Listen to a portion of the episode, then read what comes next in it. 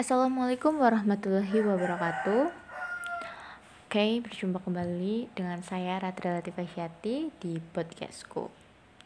So, masih seperti podcast sebelumnya, kita masih membahas seputar COVID-19 dan juga pandemi.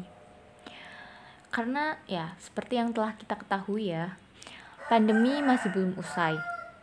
Pasien pun masih terus bertambah setiap harinya saya yakin kalian dan juga masyarakat-masyarakat lainnya sudah mulai jengah dengan keadaan dan situasi ini.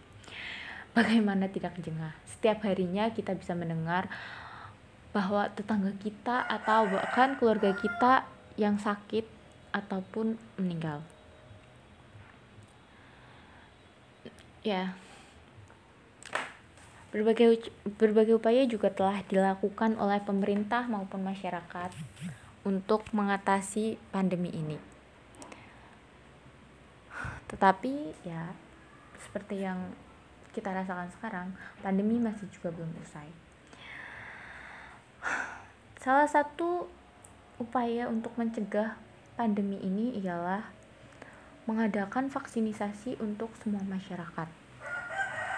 Tetapi ada berbagai kendala dalam pengadaan vaksinisasi tersebut. Salah satu kendalanya ialah faktor dari pemerintah yang kurangnya penyediaan vaksin sehingga masih banyak yang belum mendapat vaksin. Kendala yang kedua yaitu dari masyarakat sendiri. Mereka masih kurang yakin terhadap vaksin yang telah disediakan oleh pemerintah. Mereka merasa takut untuk melakukan vaksin ya sehingga masih banyak yang belum melakukan vaksin padahal menurut layanan COVID-19 sendiri vaksin ialah suatu mikroorganisme atau zat dari antigen yang telah diolah sedemikian rupa sehingga aman dan akan memberikan kekebalan spesifik secara aktif terhadap penyakit tertentu.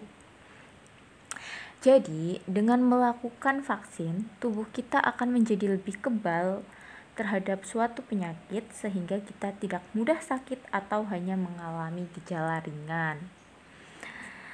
Hingga saat ini, tercatat ada 5 vaksin COVID-19 yang beredar di Indonesia.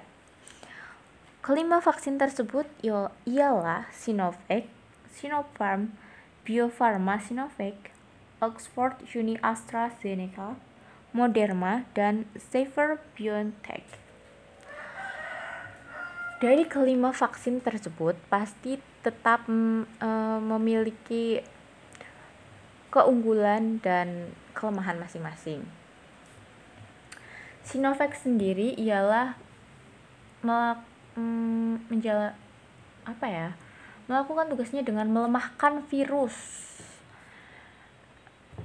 ya dan ini sudah diproduksi atau sudah dipesan oleh 600 juta pada tahun 2020 dan sebanyak 100 eh 1,2 juta tiba di Indonesia.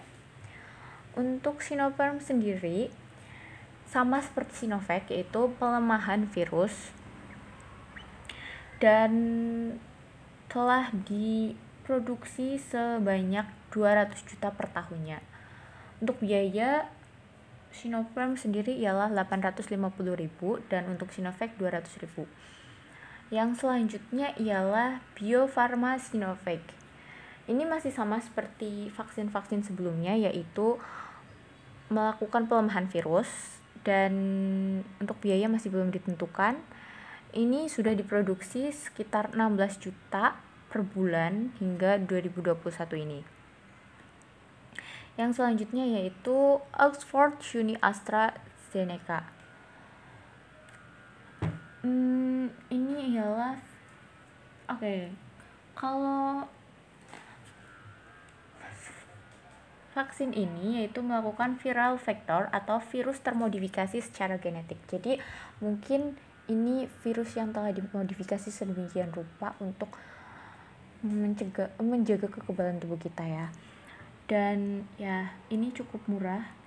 Untuk biaya ini cukup murah yaitu sekitar 60.000 dan telah diproduksi sekitar 400 juta pada akhir 2020 dan 700 juta pada kuarter 1 2021 yang selanjutnya yaitu Moderma.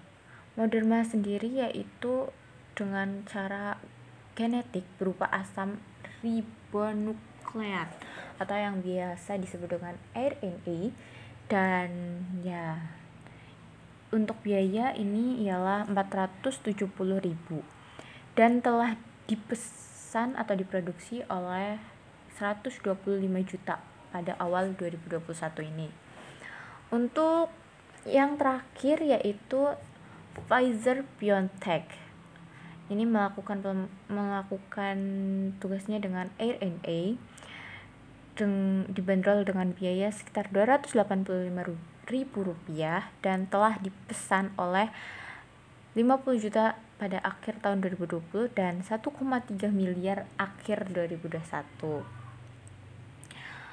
Um, ya itu adalah lima vaksin yang telah disediakan oleh pemerintah Indonesia dan saya berharap kepada masyarakat untuk melakukan vaksinasi tersebut karena dengan kita melakukan vaksin tersebut berarti itu adalah salah satu langkah awal kita untuk mencegah penyebaran COVID-19 ini.